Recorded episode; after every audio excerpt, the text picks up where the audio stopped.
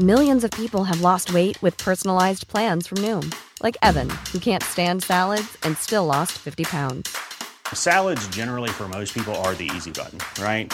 For me, that wasn't an option. I never really was a salad guy. That's just not who I am. But Noom worked for me. Get your personalized plan today at Noom.com. Real Noom user compensated to provide their story. In four weeks, the typical Noom user can expect to lose one to two pounds per week. Individual results may vary. When you're ready to pop the question, the last thing you want to do is second guess the ring. At Bluenile.com, you can design a one of a kind ring with the ease and convenience of shopping online. Choose your diamond and setting. When you find the one, you'll get it delivered right to your door. Go to Bluenile.com and use promo code LISTEN to get $50 off your purchase of $500 or more. That's code LISTEN at Bluenile.com for $50 off your purchase. Bluenile.com code LISTEN. One size fits all seemed like a good idea for clothes Nice dress. Uh, it's a it's a t-shirt. until you tried it on. Same goes for your healthcare. That's why United Healthcare offers a variety of flexible, budget friendly coverage for medical, vision, dental, and more. So, whether you're between jobs, coming off a parent's plan, or even missed open enrollment, you can find the plan that fits you best. Find out more about United Healthcare coverage at uh1.com. That's uh1.com. Veckans sponsor är Telia. Hos Telia samlar man mobil, bredband, IT-support, mobilväxel, allt som gör företagande enkelt. Och det är just det här att samla allt på ett ställe, att ha någon att vända sig till när det inte fungerar, det är Telia. Ett exempel på vad som inte är Telia, det är ju som när jag lyckas boka förmötet för en poddinspelning med Finansinspektionen till efter själva inspelningstillfället. Eller när jag här, här året var liksom, fick för mig att jag skulle börja springa, så jag är liksom ute och springer taggad, träffar en kompis som säger så här, du Jan, på måndag ska jag springa ett lopp. Och jag känner så här, ja men det låter inspirerande, så jag käkar pasta, jag byter om, tar mig ner till Malmö stadion för att göra en efteranmälan, står där i kön och sen så när jag liksom anmäler mig så tittar de på mig och säger så här, du Jan, vårhuset är bara till för kvinnor. Och eh, det var, det var typisk en situation som inte är Telia. Oavsett, ett stort tack till Telia som sponsrar, gör Rika Tillsammans möjligt, men framför allt tack till dig som lyssnar, följer och eh, hänger med oss varje vecka. Välkommen till Rika Tillsammans. Detta är dagens avsnitt. Saker att tänka på i uppstarten av företag. Vi pratar väldigt mycket med Lina, en av våra läsare, om vikten av att be om hjälp. Inte bara så redovisningskonsulten, utan andra företagare, andra som har gjort saker innan. Och vi pratar om att eh, liksom sälja skinnet innan björnen är skjuten, att ta hjälp av en duktig bokföringsbyrå. Ja, men många av de sakerna som är efter att man har konstaterat att jag vill starta företag, man har startat det, men shit, vad gör jag nu i uppstarten? Mm. Och misstaget är att bara jobba i sitt företag. Vi kommer prata också detta med olika så hattar, hattleken brukar jag kalla det, att många av oss som startar företag eller är i ett företag, så detta gäller även dig som är anställd, vi gör mycket i företag. Vi, vi är där och springer och löser problem, eh, skapar rapporter, skickar mejl, vi gör grejer. Men väldigt sällan tar vi ett steg tillbaka och tar på oss liksom chefshatten, eh, det strategiska perspektivet och tänker så här, vad är rätt sak att göra? Snarare, hur gör jag saken på rätt sätt? Mm. Och som egenföretagare är detta sjukt viktigt, för du behöver ibland ha möte som liksom Jan arbetaren, ibland Jan chefen och ibland Jan ägaren. Och alla de tre har liksom, ska ha olika perspektiv, olika mål, olika uppgifter. Mm. Och tips som gäller alla företag.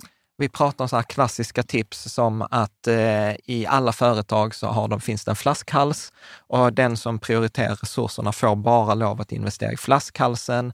Vi pratar om fokus på försäljning Mm. och många sådana här liksom grundläggande generella regler som, som man ibland glömmer bort när man är i sitt företag. Mm.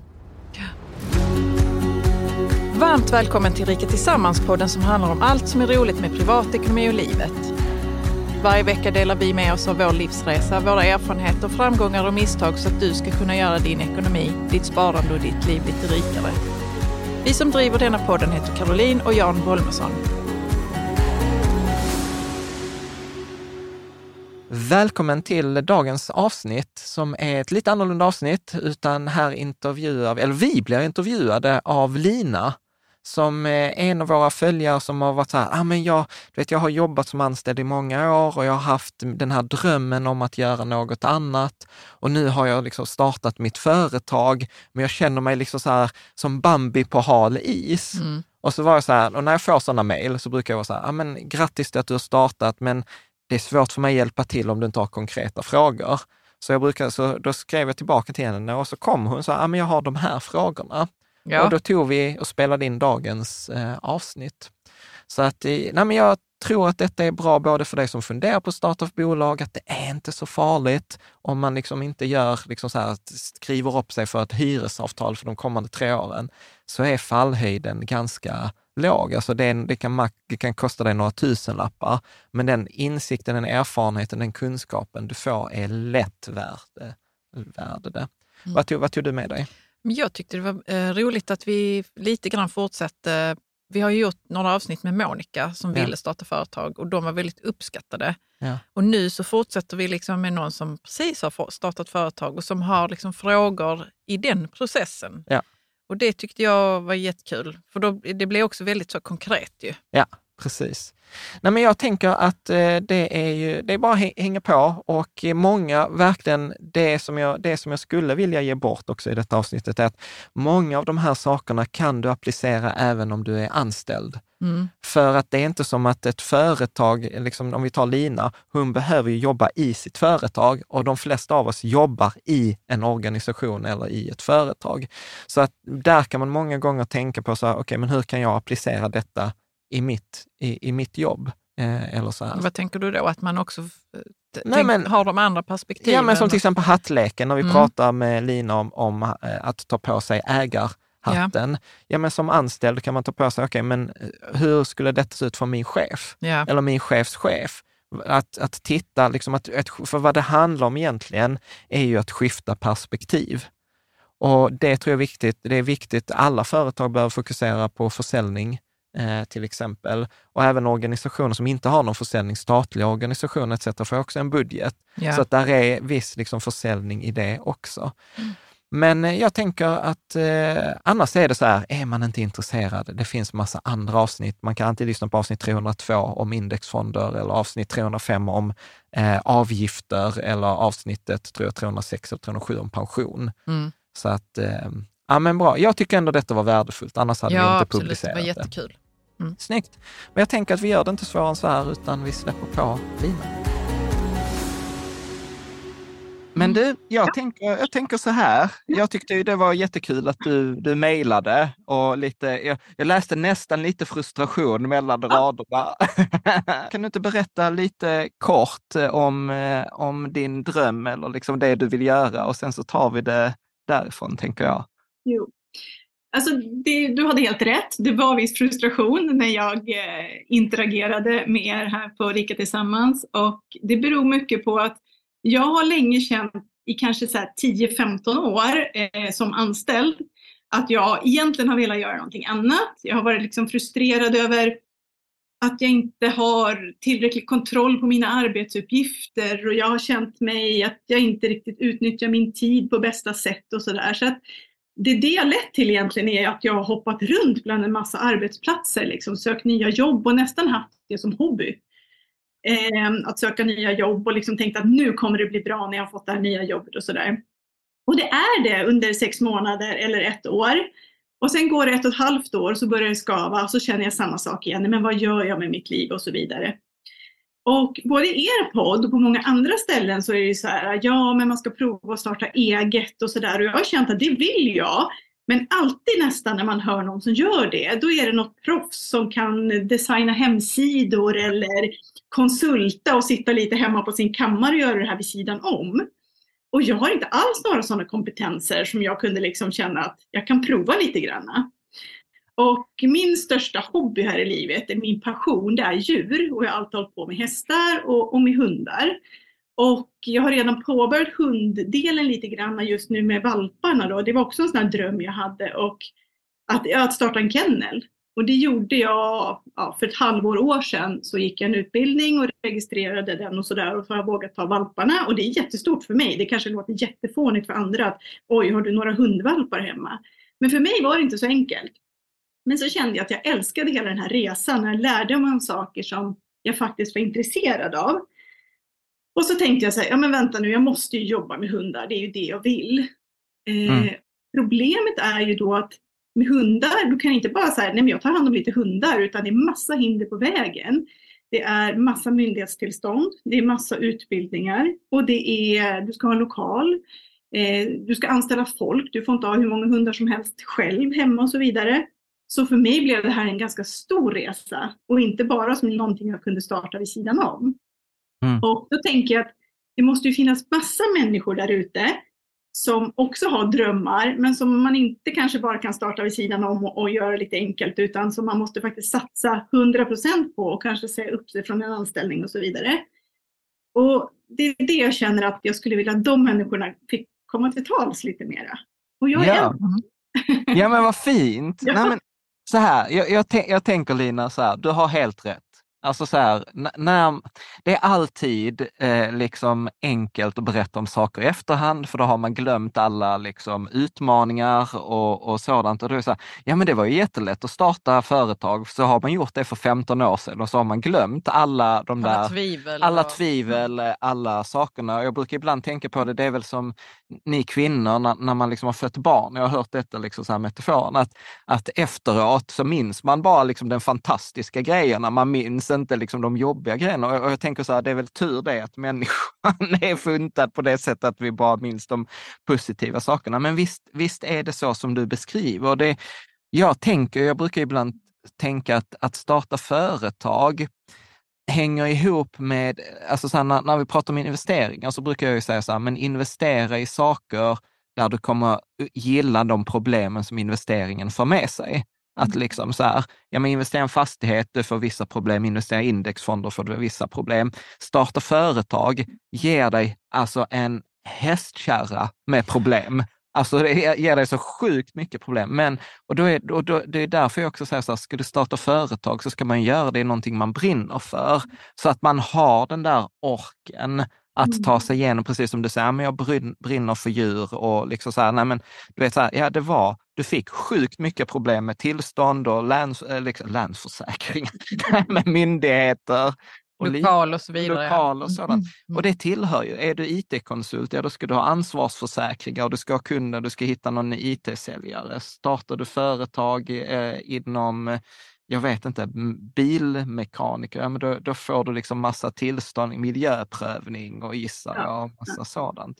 Men det blir ju att man får en utveckling på köpet ju. Att ja. man, blir, man lär sig massa saker själv och man lär sig om sig själv också ju. Ja, och jag, jag, jag, jag, jag, jag tror jag, jag gillar, eller min poäng dit jag var på väg också var ju så här, där finns ju den här boken The Subtle Art of Not Giving a Fuck. Och där säger då en av de grejerna jag tog med mig från den boken var så här, vi kommer alltid ha problem i livet. Det är liksom så här, vi kommer inte vakna upp en dag och bara känna så här, gud vad bra, nu har jag löst alla mina problem i livet, nu är jag färdig. liksom. Utan, och då säger författaren så här, men tänk om lycka går ut på att lösa problem i livet som vi själva har valt. Mm. Att jag tror att utmaningen många gånger är att vi ska lösa problem som vi egentligen inte gillar och vi ska lösa dem åt någon annan. Mm. Så att jag tänker Lina så här, nej du har helt rätt. Eh, jag tycker att du kastar jättebra ljus eh, liksom på det. Mm.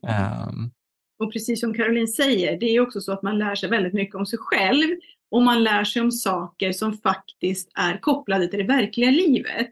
För det är det jag kan tycka att jag saknar som anställd, att jag sitter och lär mig program och massa saker som jag bara har nytta av där. Men det jag märker är skillnaden i det här projektet eller den här resan, det är att man lär sig om sig själv, hur man fungerar i olika sammanhang och hur samhället fungerar. Det är väldigt, mm. väldigt allmänbildande att starta företag. Mm. Ja. ja, och det är liksom så här, man behöver ju vara lite generalist. Alltså så här, och man behöver gilla lära sig saker. Ja. Och man kommer ju lära sig saker hela tiden. Vad tänker mm, du? Men jag tänker att, eh, alltså att man kan ju typ komma i kontakt med sig själv som man aldrig har sett sig själv och eh, tycker att det är jävligt jobbigt ju med alla de här problemen och hur ska jag kunna lösa dem och jag har ingen erfarenhet och sådär. Men Alltså, vill man det så kan man det. Man tar ju ett litet problem i taget. Men något som jag inte tycker att man pratar så mycket om det är att om man är företagare, eller nyföretagare i alla fall, då måste man ju också ta hand om sig själv. Ja. Alltså ändå ha stöd omkring sig ju. Ja. Och ta hand om sig själv så att man liksom inte jobbar alltså jobba så 18 timmar om dygnet och men jag, men jag tror, men sådana saker. Men, men det är en sån grej som jag inte tycker att man pratar så mycket om. Ja, fast jag, jag, tror att det där handlar om, nu bara spånar jag så Lina du får hoppa in här, men jag, jag tror att det där handlar om att man ska göra allt själv. Man tror, man ska man, man, allt man själv, tror ja. att man ska göra allt själv och vi är generellt inte så duktiga på att be om hjälp. Mm. Jag brukar ibland på så här, när jag har föreläsningar, brukar jag ställa frågan så här, men hur många av er här gillar att hjälpa en annan person? Om det skulle komma en person och säga så här, du Lina, om jag kom till dig, du vet, jag har aldrig haft en hund, jag funderar på att skaffa en hund, liksom så här, vilka tre bästa tips? Vad ska jag tänka på när jag väljer hund? Vad ska jag tänka på när hunden växer upp? Då tror jag att du hade tackat ja till en sån Ja. fika, eller hur? Och jag tror att de flesta hade tackat ja i ett område som de är duktiga på. Mm. Men om vi sen vänder på frågan, så här, brukar du aktivt gå och be om hjälp? Så är det väldigt få som aktivt ber om hjälp, utan då tänker man så här, jag ska starta företag, ja men då ska jag lära mig bokföring själv. Då ska jag liksom ha all kontakt med myndighet själv. Jag ska göra allting Jag ska inte besvära min kompis som Nej, kan detta. Nej, och, och, liksom, och sen har vi till och med sådana som jag ibland brukar säga så här, och så ska ens kompisar ha rabatt. Jag är bara så nej, nej, alltså ens kompisar borde ju betala dubbelt så mycket bara för att de är kompisar. Det är det som är kompispriset. Ja, precis. Fullpris eller mer. Ja. Så brukar vi göra med våra kompisar. Ja, det är bra. Det ska jag ta till. Mm. Nej, men eh, vi kan gå in på det direkt. Och jag måste säga att jag svalde det ganska fort, det här med att inte be om hjälp. Ja. Jag har bett jättemycket om hjälp. Och har du fått den? Ja, det är klart. Ja, exakt. Jag är så otroligt tacksam. Jag säger det jätteofta. Jag har fått hjälp med stora saker. Jag hade ritningar som skulle tas fram på stora hus och sånt som skulle skickas in till myndigheter. Och en gammal kontakt på ett jobb som jag hade bad om hjälp och fick massor med hjälp med det här, helt gratis. Han fick en middag. Ja. Eh, Jag har fått hjälp med folk som har drivit sådana här typer av verksamheter tidigare. Liksom. Vad är viktigt och vad är inte viktigt när man startar? Jag har en eh, gammal kollega som har jobbat med bokföring som har hjälpt mig starta upp allting. Som är jätteenkelt säkert egentligen för den som har gjort det förut, men första gången är det jättesvårt. Ja. Utan det hade jag inte varit någonting idag. Och jag är så Nej. otroligt tacksam för det. Och jag har också sagt att jag kommer alltid hjälpa folk som frågar mig 110 procent. Exakt. Och, och, och, det ro, och vet vad? Och det roliga är till och med så tänker man, vet, detta har vi haft i forumet ibland, att vi hade en kvinna som ville starta någon så här vårdklinik. Och så var det någon annan som bara, hej jag driver en vårdklinik, tänk på detta och detta och detta och detta och detta och detta. Och då var han så här, gud jag trodde aldrig jag skulle få hjälp av en konkurrent. Men, men det är inte så man tänker bara så här, nej nu ska jag inte hjälpa den personen för det blir en fram... Alltså för man tänker så här, men kakan är tillräckligt stor för alla. Så att man kan till och med be om hjälp från de som är konkurrenter. Och visst kommer det vara någon som säger nej då och då. Men ett, det är ovanligt och nummer två, tänker jag just kring att be om hjälp, att det är så här asymmetriskt rätt. För att så här, om de säger ja, så får du hjälp. Då, kommer, då får du steg framåt. Säger de nej, då är du på exakt samma ställe som du var innan du frågade. Så det är liksom ingen nedsida förutom för ens ego, liksom, vilket kan vara stort nog Ja. att, att faktiskt be om hjälp. Eh, liksom. Mm. Ja, förlåt, jag avbröt dig Dina. Nej, det tror jag inte alls att du gjorde, utan det var just, det var bra att du kom in på det här, för jag vill verkligen säga det. Jag, vill- liksom, jag har fått så otroligt mycket hjälp, mer än vad jag någonsin hade kunnat ana, genom bara att skicka ett, du vet, ett sms eller fråga någon på Instagram eller liksom sådär. Det var inte ens svårt när man väl hade börjat. Det svåra var att ta första kontakten och säga att du håller på med det här, kan jag få hjälp? När man hade fått den första gången, då var det inte så svårt. Då tänkte jag, hmm, hur många andra har jag i mitt nätverk jag kan utnyttja nu? Och utnyttja på ett bra sätt såklart. Då. Så jag får ju betala tillbaka det när jag kan med hundpassning eller någonting annat. Ja, det löser sig. Mm. Så att nej, det, det är jättebra första tips. Ta hjälp. Ja, sen hade du, du hade några frågor också. Ja, jag har ganska många frågor. Ja, shoot. Ja. Nej, men det som jag har lite fastnat på i hela det här äh, när jag ska starta är att i vilken ordning man gör saker och ting. Det är liksom hela tiden en timingfråga tycker jag för mig där det gör att jag vill vara igång ett visst datum med den här verksamheten. Då ska jag ha kunder. Behöver jag en hemsida kanske innan? Hur långt innan behöver jag registrera företaget för att allting ska vara klart? Jag hamnade till exempel i en konstig situation. Jag skulle skriva på avtalet med en fastighetsägare för en lokal. Då hade jag inte hunnit starta företag i den fall det gick så fort. Och jag ville ju att företaget skulle stå på papperna. Och då drog det ut på tiden. Eh, och nu står jag i en situation där jag kanske ska börja köpa in saker till företaget. Och då är det så här, vågar jag dra på mig de utgifterna? Vågar jag skaffa ett bokföringsprogram? För jag vill inte stå med massa utgifter innan jag kommit igång med intäkterna som kommer lite längre fram. Jag har väldigt svårt att få ihop tajmingen på hur man går tillväga och startar upp allt. Mm. Ja. Men jag, jag, tänk, jag tänker, det var många frågor igen, ja. men, ja. Eh, men om jag, jag, jag, tänker så här, vi börjar. Så det första som jag brukar säga är så här, sälj skinnet innan björnen är skjuten. Alltså så att, så att försäljningen är nummer ett. Alltså så, att, så att man har en plan för intäkter. Eh, det är det viktigaste innan man drar på sig kostnader. De kostnader man drar på sig tycker jag ska vara så låga som möjligt och, och att man kommer ihåg att alltså när du har drivit ditt bolag i tio år, då är de första sex månaderna ganska orelevanta. Ja. Så, så, att, så att jag tänker till exempel så här i början, ja men om bokförings, de flesta bokföringsprogram till exempel, eller hyror eller så här, då vill folk ha så här, ja men eh, köp ett år så får du 20 procent billigare. Och då är jag så här, nej men betala hellre den höga månadskostnaden så att du har liksom flexibiliteten. Att funkar inte detta, då är jag inte låst i något längre avtal. Mm. Och kostar det mer på kort sikt, ja det gör det. Men å andra sidan så köper du dig liksom optionaliteten att hoppa av. Så, så, så gör jag nästan alltid, även idag med program, att jag testar dem först i tre månader och sen säger jag så här, har jag nytta av det här eller inte? Mm. Samma sak med till exempel ett bolag som jag hjälpte till som skulle teckna ett hyresavtal. Ja, men då ville hyresvärden så här, tre år. Och jag var så här, alltså vi vet inte om detta företag kommer finnas om tre år. Så vi sa, vi kommer inte teckna ett treårsavtal. Vi kan betala liksom 25 procent mer hyra per mm. månad nu i början för att kunna ha optionaliteten att kunna liksom tacka nej så att man mm. inte drar på sig eh, liksom långsiktiga kostnader. Och sen, sen får man ju, där får man ju prata, nu är jag inte expert på det här för jag har inte gjort vår, vår egen bokföring på hur många år som helst. Men jag tänker ju att det är ju ofta inget som hindrar att man tar till exempel kostnaden privat och sen när man har företaget startat, då kan man ju föra över kostnaden till företaget. Och där finns vissa regler att det är upp till sex månader eller tolv månader. Men det är ju liksom inget annat heller som hindrar att så länge det är till marknadsmässiga villkor, att om jag köper en dator privat så kan jag sen sälja den till företaget. Det viktiga är att jag inte försöker lura någon eller liksom så att jag köpte dator för 10 000 men jag säljer in den för 25.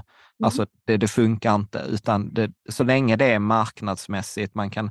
Och, och här bör man också komma ihåg att det finns inget strikt regelverk till exempel med Skatteverket, det är det många tror, så här, detta är avdragsgillt, detta är avdragsgillt inte. Så är det inte, utan det är alltid en, en diskussion, alltså kunna motivera. Så att jag brukar säga så här, skaffa dig så mycket underlag som möjligt, så att skulle man sen komma till Skatteverket eller till någon som har en åsikt, så säger man så här, men titta här, jag hade inte fått svar från Bolagsverket, så jag köpte det privat. Här är kvittot privat. Här är vad jag sålde in det till bolaget. Det är samma pris. Jag gjorde ingen affär, utan det var liksom en administrationsmässig eh, liksom förflyttning. Mm. Och då har jag ju svårt att någon ska argumentera för så här, nej, det var fel.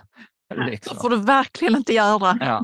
Så att man, behöver kolla, man, behöver, man, man kan liksom kolla upp sånt i förväg, men, men sånt brukar ofta alltså gå. Så jag tror ofta så här, ett, ha mycket dokumentation, två, visa på intentionen och mm. visa liksom så här, nej men du vet, jag ville inte starta detta företag innan jag visste att jag hade det här. Och återigen, så här, det kan vara värt att ta någon engångskostnad i början, för i det stora hela så spelar inte det så stor, mm. eh, så stor roll. Eh, Men du ser, redan där har jag fått svar på konkreta frågor. Det här med att kanske inte binda upp sig på för lång tid som man gärna gör som du säger. Det blir mycket billigare. Så man tänker att företaget ska rulla på under många år. Liksom.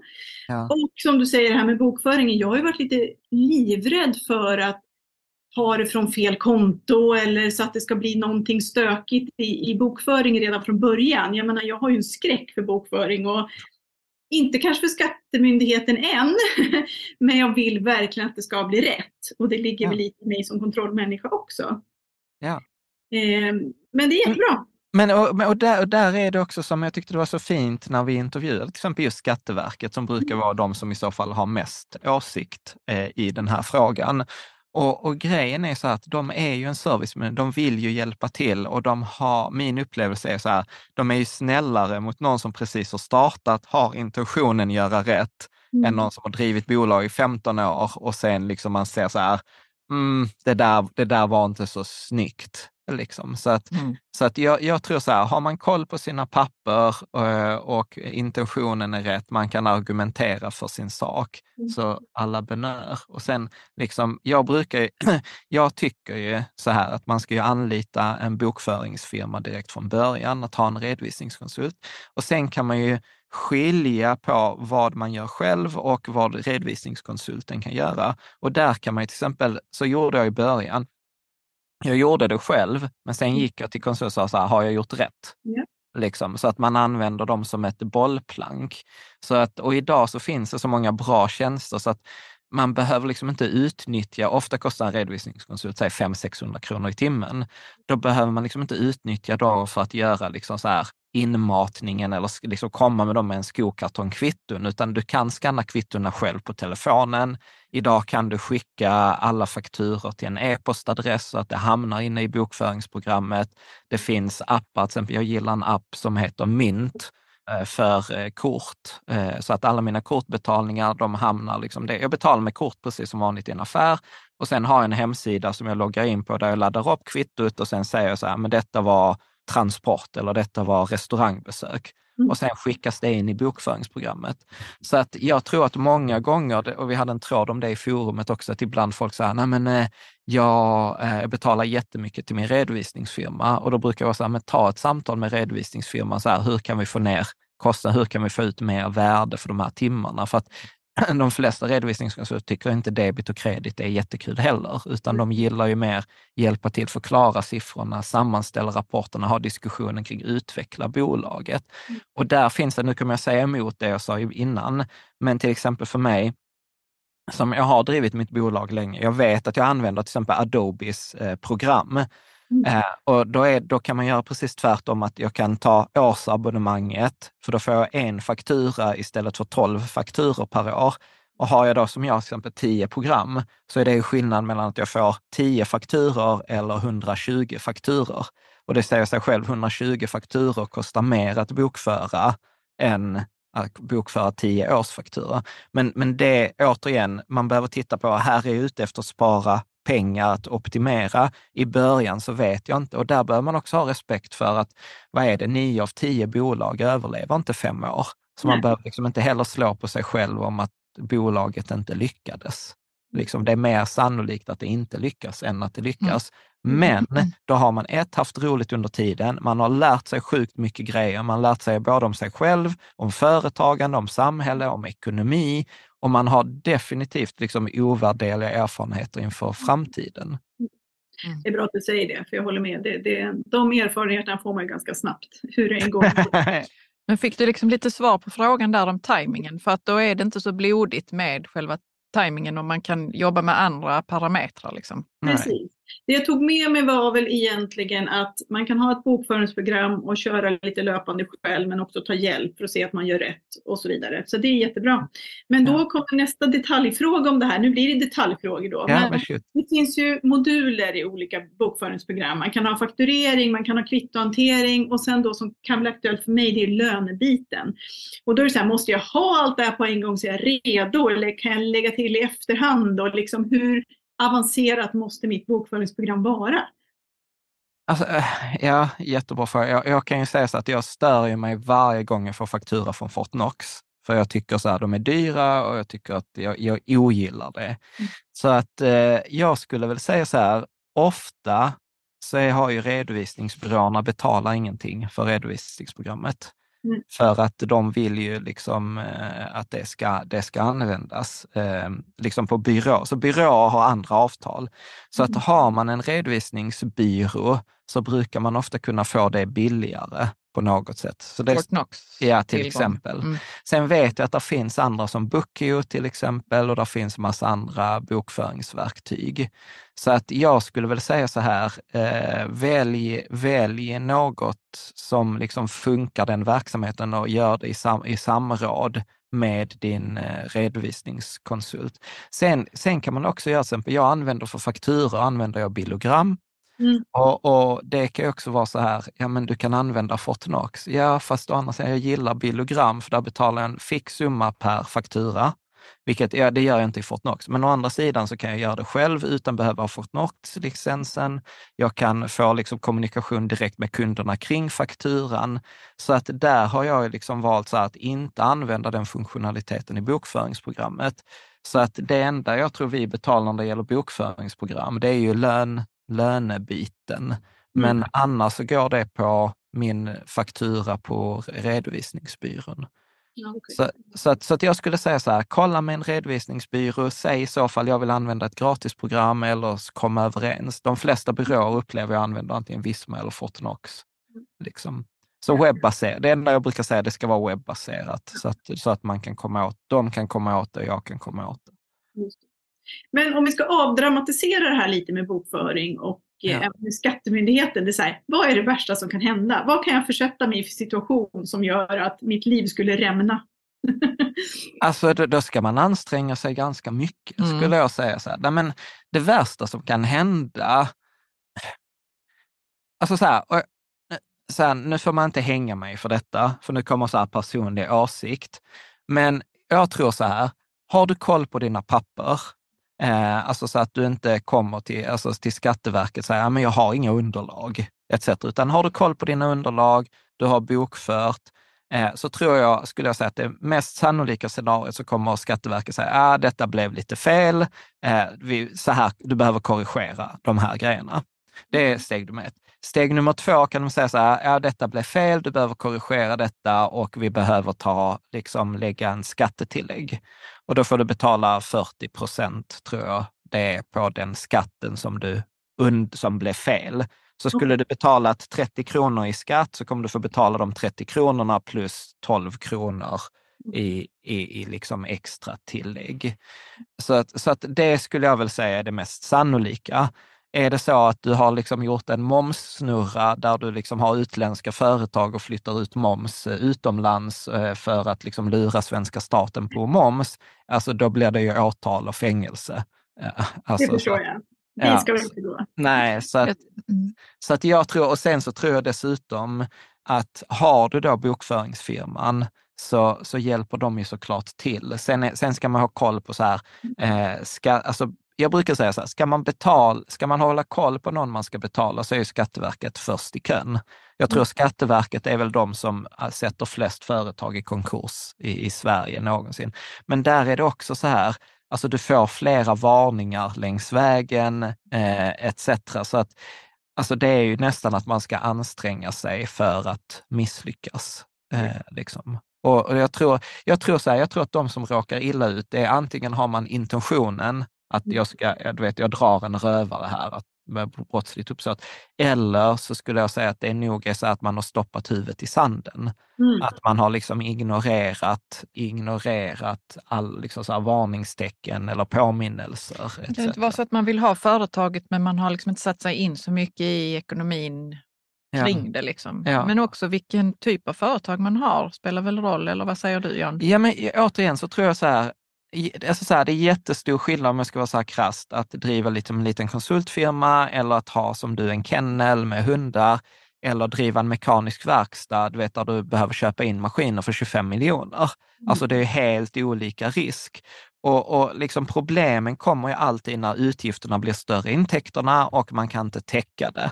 Eh, liksom. Men å andra sidan, så här, är man konsult, eh, ja men då är kostnaderna, det enda man har är ju ens lön. I, I ditt fall så skulle jag säga att den farliga kostnaden, det är ju hyresavtalet. Att det kommer vara liksom det farliga. Eh, Men, men är man också där att man säger så här, men vet du vad, det första året så tar vi löpande, eller vi tar tre månaders uppsägningstid, vi betalar den extra riskpremien för det. Alltså då är risken rätt begränsad.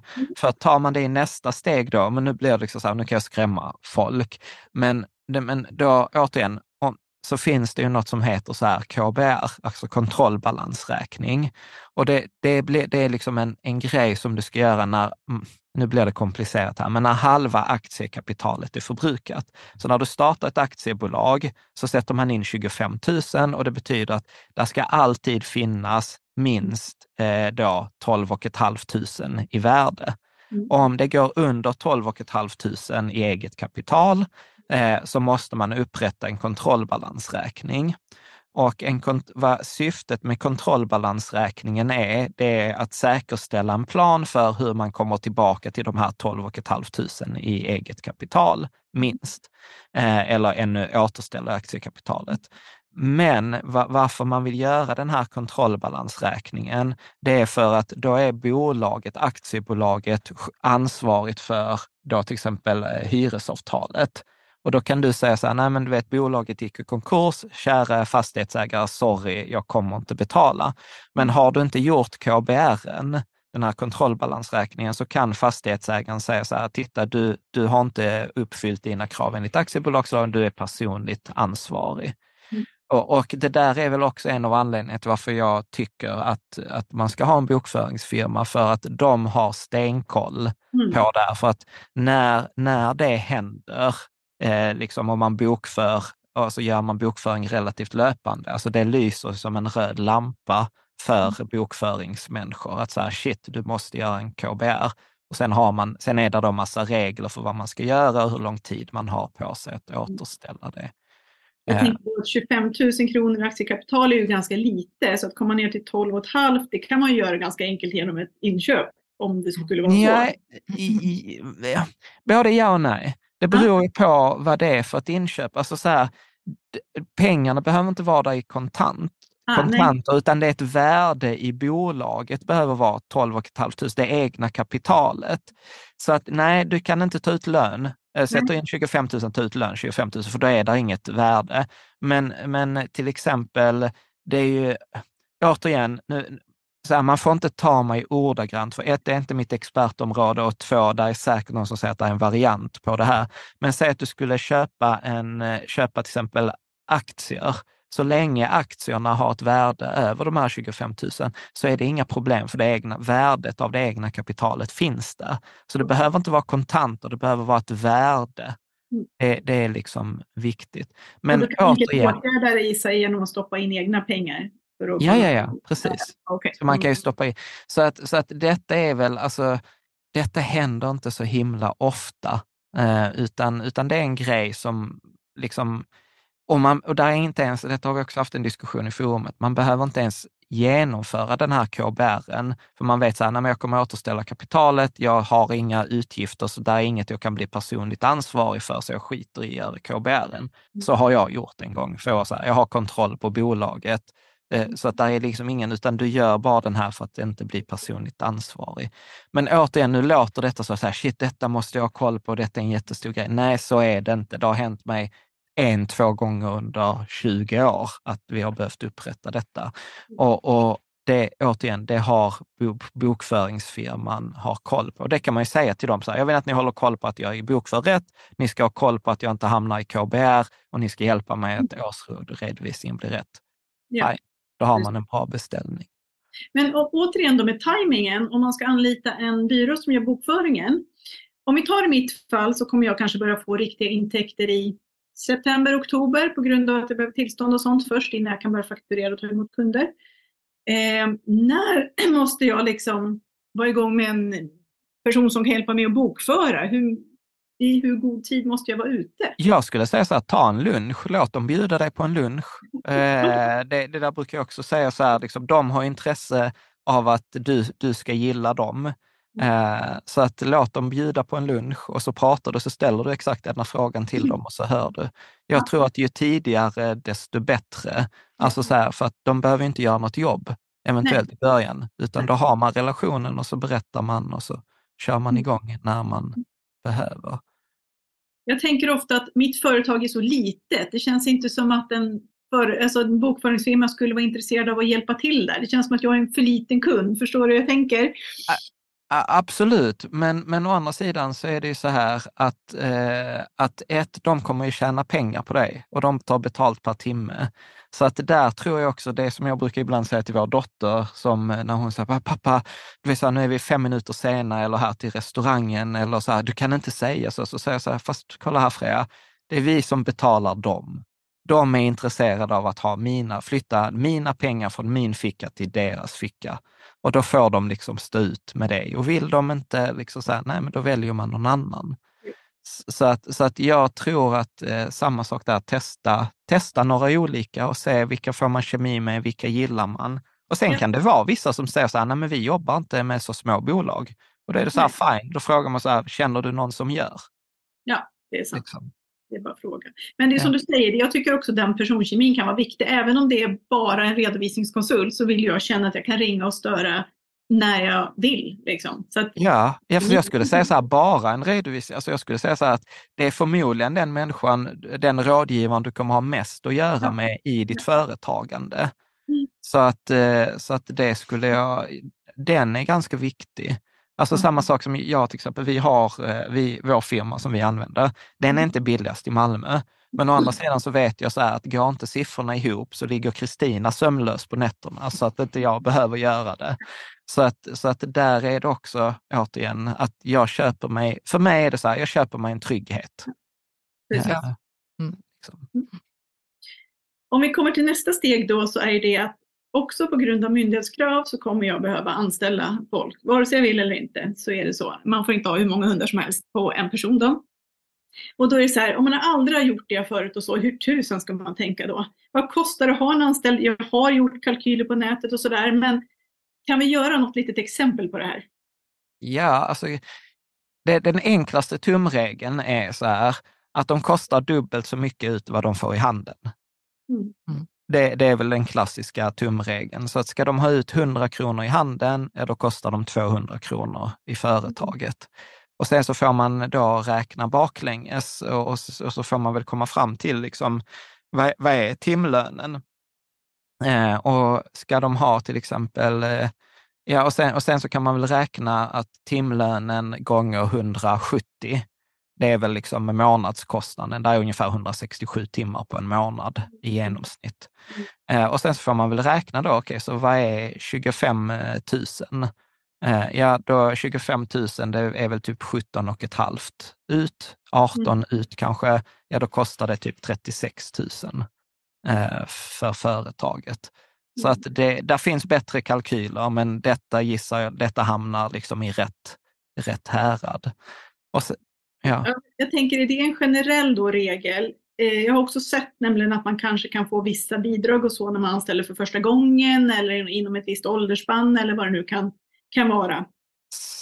Där skulle jag återigen, det är en typisk grej för bokföringsfirman som jag hade gått med så här, Kristina, hur ska jag tänka? Eh, och, sen, och sen är det ju så här alltså också att eh, till exempel, nu vet jag inte var du bor, men till exempel vi använder så här, i Malmö eller i storstad så finns det ju sådana tjänster som till exempel Jepster. Alltså där mm. man kan anlita ungdomar eh, på, tim, på timme. Då är det liksom billigare. Eh, sen så finns det ju säkert alltså så här långtids... Sånt fanns ju förr, att man som arbetsgivare kan få bidrag om man anställer någon som varit långtidsarbetslös. Mm. Eller, mm. Så, men då får man ju kolla med Arbetsförmedlingen eller just hur det specifikt ser ut. Men så här, jag brukar tänka så här, det blir aldrig värre än den där gånger två-regeln. Nej. Det, blir... det, jo, det blir värre på höga löner, men, men jag gissar att liksom, Eh, håller man sig under statlig gräns så brukar det vara samma. Men är det någon skillnad då om man anställer, vi säger att jag ska ha en person på heltid. Eh, är det då att man anställer på någon slags, alltså kan man anställa på timme, spelar det någon roll eller ska man ha en heltidsanställd eller ur ett rent ekonomiskt det, det, Nej, ja, men där skulle jag säga så att där behöver man ju kolla på behovet. Ja, alltså, om man har ett fulltidsbehov, utgår från att jag har ett behov på 100 procent. Ja, ja, då får man ju antingen tänka så här, alltså då får man också tänka på lite så flexibilitet och vad man, alltså det blir så mycket kemi och sånt. Alltså för du kan ju ta två 50-procentare, men mm. det är ju svårare att hitta. Yeah. Liksom. Yeah. Eh, eller så tar du en på 100 procent. Mm. Alltså det jag tror är viktigt där, det är ju att man har provanställning och att man, samma sak att precis, om inte bokföringsfirman kan de här arbetsrättsliga reglerna så tror jag att det är viktigt att man har någon, någon man kan ringa och fråga. Alltså hur funkar... Men oftast, alltså har du en lite större bokföringsbyrå så brukar de kunna det också. Så det är dit jag hade ringt och frågat så här, men hur funkar provanställning, hur funkar uppsägning, hur funkar löneförhöjning, kollektivavtal eh, etc. Det är också ett jättebra konkret tips. Jag hade ingen aning om att en bokföringsfirma kunde svara på den typen av frågor. Så det ska jag Ja. testa. Mm. Ja, inte alla. Alltså återigen, det beror på. Alltså så här, det är jättestor skillnad på en bokföringsfirma som består av en person eller Grant Thornton, eh, alltså som har tusentals anställda. Ja. Så att, eh, så att där finns ju, men det, det får man ju kolla. Och Ja. samma sak att prata med när man träffar dem. Så här, men jag, har, jag har behovet av bokföring, jag har behovet av årsredovisning, löner etc. Ja, Eh, liksom. precis. Så att, men, men där hade jag ju också varit så här, för det är också en så här att man drar på sig ganska stora åtaganden, i alla fall efter de där sex månaderna efter provanställningen. För då är det ofta uppsägningstid etc. Så att jag hade ju försökt vara samma sak där, försiktig. Mm. Eh, och sen får man ju, precis som du säger, balansera tillståndskraven med, eh, Ja. eh, med företaget. Eh, liksom. och, så, och sen behöver man ju gilla andra människor. Alltså jag, Ja, det är nu så att man behöver gilla Ja. dem och deras utveckling. Ja. Liksom. Ja, jag är, jag är så här notoriskt. Jag, jag har ju liksom för allas bästa valt att inte ha anställda, både för min egen och för andras. Men jag har ju inte, jag har ju inte den behov av den typen av verksamhet. Liksom. Men om vi då kommer in på själva företaget och jag tänker om man utgår från att efter x antal månader då så har man faktiskt pengar som man kan ta ut lön. Eh, och så rullar det på och så får man väl plocka ut och så mycket man har råd med gissar jag varje månad. Och sen kommer någonting då när man har aktiebolag som heter utdelning också. Hur funkar det? Nej, men så här, tumregeln, och här, nu vet jag alltid så här, det, det kommer alltid finnas någon som har Eh, en annan åsikt, men generellt så ska jag säga så här, konsensus, tumregel i forumet är så här, ta ut lön till brytgräns. Så först och främst lön. Så ta ut lön. Eh, och jag tror brytgränsen i år ligger någonstans på 49 000 i månaden. För att då får du maximal avsättning till, till pension, du får maximal avsättning till SGI, alltså du maxar all det svenska välfärdssystemet. Så det är steg nummer ett. Därefter så liksom diskuterar de lärde, men jag tycker ju man ska ta tjänstepension. Så att man liksom som företagare så är min grundregel så här, man ska alltid ha, tjäna mer och jobba mindre, i alla fall över tid, än vad man hade gjort som motsvarande som anställd. För annars kan man ju lika gärna vara anställd någonstans. Liksom, då har man, liksom, får man ingen uppsida av företag. Så kanske inte det går från början, men det måste vara målet. Så att jag tycker att om eh, det, det klassiska kollektivavtalet, då är det väl typ 4,5 procent tjänstepensionsavsättning. Så då tycker jag efter att man har maxat lönen, då sätter man av till pensionen, eh, då till tjänstepension. Sen är det vissa variationer på det, att man tar direktpension, men det gör inte jag. Så att tjänstepension vanlig. Eh, därefter tar man utdelning och sen därefter investerar man bolagets pengar. Så att jag skulle säga så här också, utdelning, alltså så här, innan du har en lön på liksom 49 000 i månaden så behöver man inte tänka så mycket på utdelning. Eh, faktiskt. Eh, utan upp med lönen först och det gör ingenting att du inte tar ut utdelningen för den, liksom, det utrymmet ackumuleras. Så att då kan du om i framtiden, om då bolaget går bra, så kan du göra en större utdelning Mm. eh, än, än liksom ta det, liksom, du kan ta ut tio års utdelning på ett tillfälle om tio år. Okej. Så att man förlorar liksom ingenting på det. Och med pension, du nämnde tjänstepension och sätta av 4,5 procent och sådär. Men som, när man har ett aktiebolag, eh, finns det andra sätt att förmånligt spara pengar till pensionen? Liksom, på något sätt? Så där finns ju det med direktpension, men jag är inget stort fan av det. Utan, vad är det? vad sa du? Vad är det för något? Ja, men i, I korthet så är det att man, man, man tar påsen pengar i företaget och sen så klär man in det, lägger man dem i ett hörn och, Mm. i, i en liten skrubb och sen på dörren till skrubben så sätter man så här, de här pengarna är avsatta till pension. Eh, men om det brinner i resten av huset så kan man springa dit och ta ut pengarna istället. Okej. Och, och vissa tycker att det är bättre än tjänstepension, för att tjänstepension, då har du tagit ut pengarna och då är de ute och då får du inte ut dem, då kan du inte hantera dem förrän du är 55. Mm. Och då tycker vissa så här, ja fast om det händer någonting med företaget så vill jag ju kunna ta ut, hantera de pengarna. Och då påstår jag så här, ja fast det är en lika stor fördel i att inte kunna ta ut dem. För att jag har ju sett exempel på när till exempel ett företag börjar gå dåligt, så går folk dit och hämtar pengarna i skrubben för att betala de anställdas lön på sin ja. egen bekostnad av sin egen pension. Medan om pengarna har satts av i en tjänstepension, då kan du inte gå dit och hämta dem och då har du fått din pension. Eh, liksom. Så att, så att där är, där är lite, så, så här, lite olika för och nackdelar. Jag vet att vissa älskar det eh, och är jättestora fans. Jag är not so much. Liksom. Men, men, men det är så här, för min personlighet. Ja, förlåt. Kan man sätta av mer än 4,5 procent i tjänstepension? Du säger 4,5 procent, men kan jag plocka ut mer? Jag tror att du kan sätta upp till, upp till antingen 30 eller 35 procent. Ah, okay. Det är mycket. Så att det är jättemycket. Och sen kan man dessutom, som många inte vet om, är att man kan göra dessutom en extrainsättning. Alltså så här, mm. att om man inte har haft full tjänstepension historiskt, mm. så kan du göra en sån jätte engångsinsättning. Så då mm. tar man kontakt med ett pensionsbolag och så ber man dem så här, om jag skulle vilja göra en engångsinsättning, hur mm. mycket kan jag sätta in då? Eh, och det är så här, jag tror vi gjorde den räkningen för dig Karo, och då kunde vi sätta av så här typ 300 000. Ja, men var det inte mer? Ja, eller till och med mer. Alltså det var så här bisarrt mycket pengar. Ja. ja. Liksom. Mm. Så att, eh... Ja, men det är bra. Sen funderar jag mycket på det här med vad behöver jag köpa in på företaget och vad kan jag egentligen använda mina privata saker till tills vidare? Det vill säga dator, bil, telefoner. Liksom, var går gränsen på det? One size fits all, seemed like a good idea for clothes. Nice dress. Uh, it's a T-shirt. Until you tried it on. Same goes for your healthcare. That's why United Healthcare offers a variety of flexible, budget friendly coverage for medical, vision, dental, and more. So, whether you're between jobs, coming off a parent's plan, or even missed open enrollment, you can find the plan that fits you best. Find out more about United Healthcare coverage at uh1.com. That's uh1.com.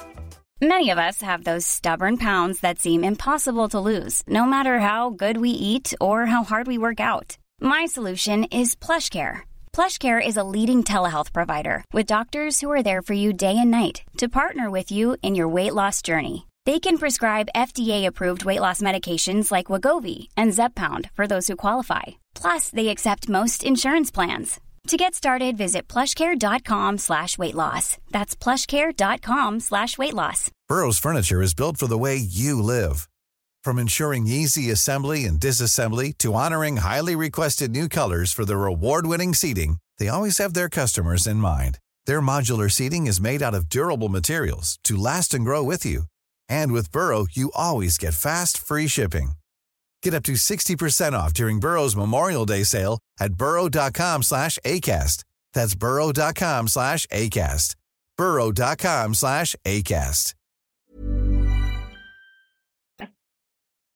Jag, sk jag skulle väl säga så här.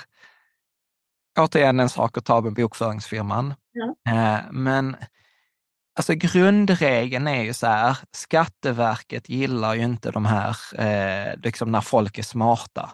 Alltså du vet så här, jag köper detta eh, för att eh, du vet, jag kan använda detta privat.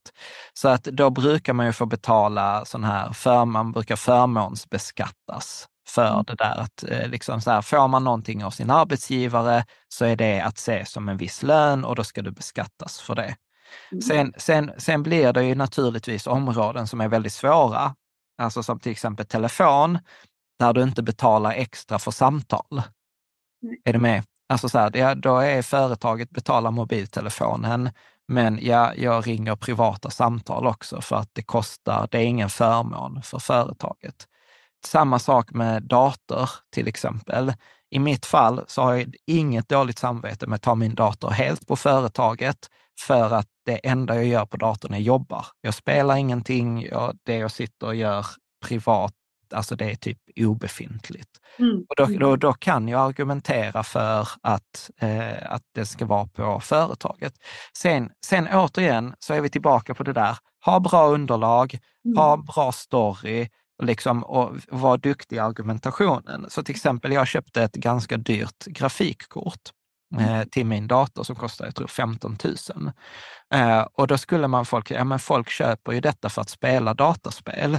Men då kan jag säga så här, jag kan visa, jag, jag köper inga datorspel, jag spelar inga datorspel och framförallt så gjorde detta när jag renderade videoklipp, så gick det från att ta en timme till att ta 15 minuter. Så det var en alltså, oerhörd effektivitetshöjning och att jag kunde använda datorn under tiden, vilket jag inte kunde innan. Och då, då, tror jag att det ska, alltså jag hade varit ganska sur om Skatteverket hade tyckt så här, nej men eh, detta får du inte dra av denna kostnaden. För att jag upplever så här, jag, har, jag kan visa väldigt mycket bevis för hur jag använder det och mm. att det inte är så här, jag har inte köpt detta, du vet så här. Jag, jag brukar säga, försöker man kofota in grejer i företaget så är, så är det ofta fel. Eh, liksom. men, men där får man också säga så att det där är ju en av grejerna, att har du ett företag som handlar om din passion, alltså till exempel som nu, nu ska vi göra ett avsnitt nästa vecka, tänkte vi om kärlekens fem språk, ja då tycker jag det är rimligt att köpa den boken på företaget eftersom uppenbarligen vi kommer göra ett helt avsnitt om den. Eh, Medan jag hade nog tyckt det var svårt att köpa Kärlekens fem språk eh, på företaget om vi sen inte hade använt den i firman. Ja. Så, jag så. tänkte nästan tvärtom. Jag är så rädd att ta utgifterna nu på företag. Jag vill liksom spara pengar där, så jag tänker att jag lånar mina privata saker och använder dem på företaget. Det var så, så jag, jag också förstod det. Jaha, förlåt. Jag säger sorry. Men bra, då har du tagit det. Ja, men, men, men, men, men, då skulle jag säga så här, hur jag hade löst det där initialt. Eh, alltså givet då att man har ett aktiebolag, då hade jag ju lånat ut pengar till aktiebolaget. Mm.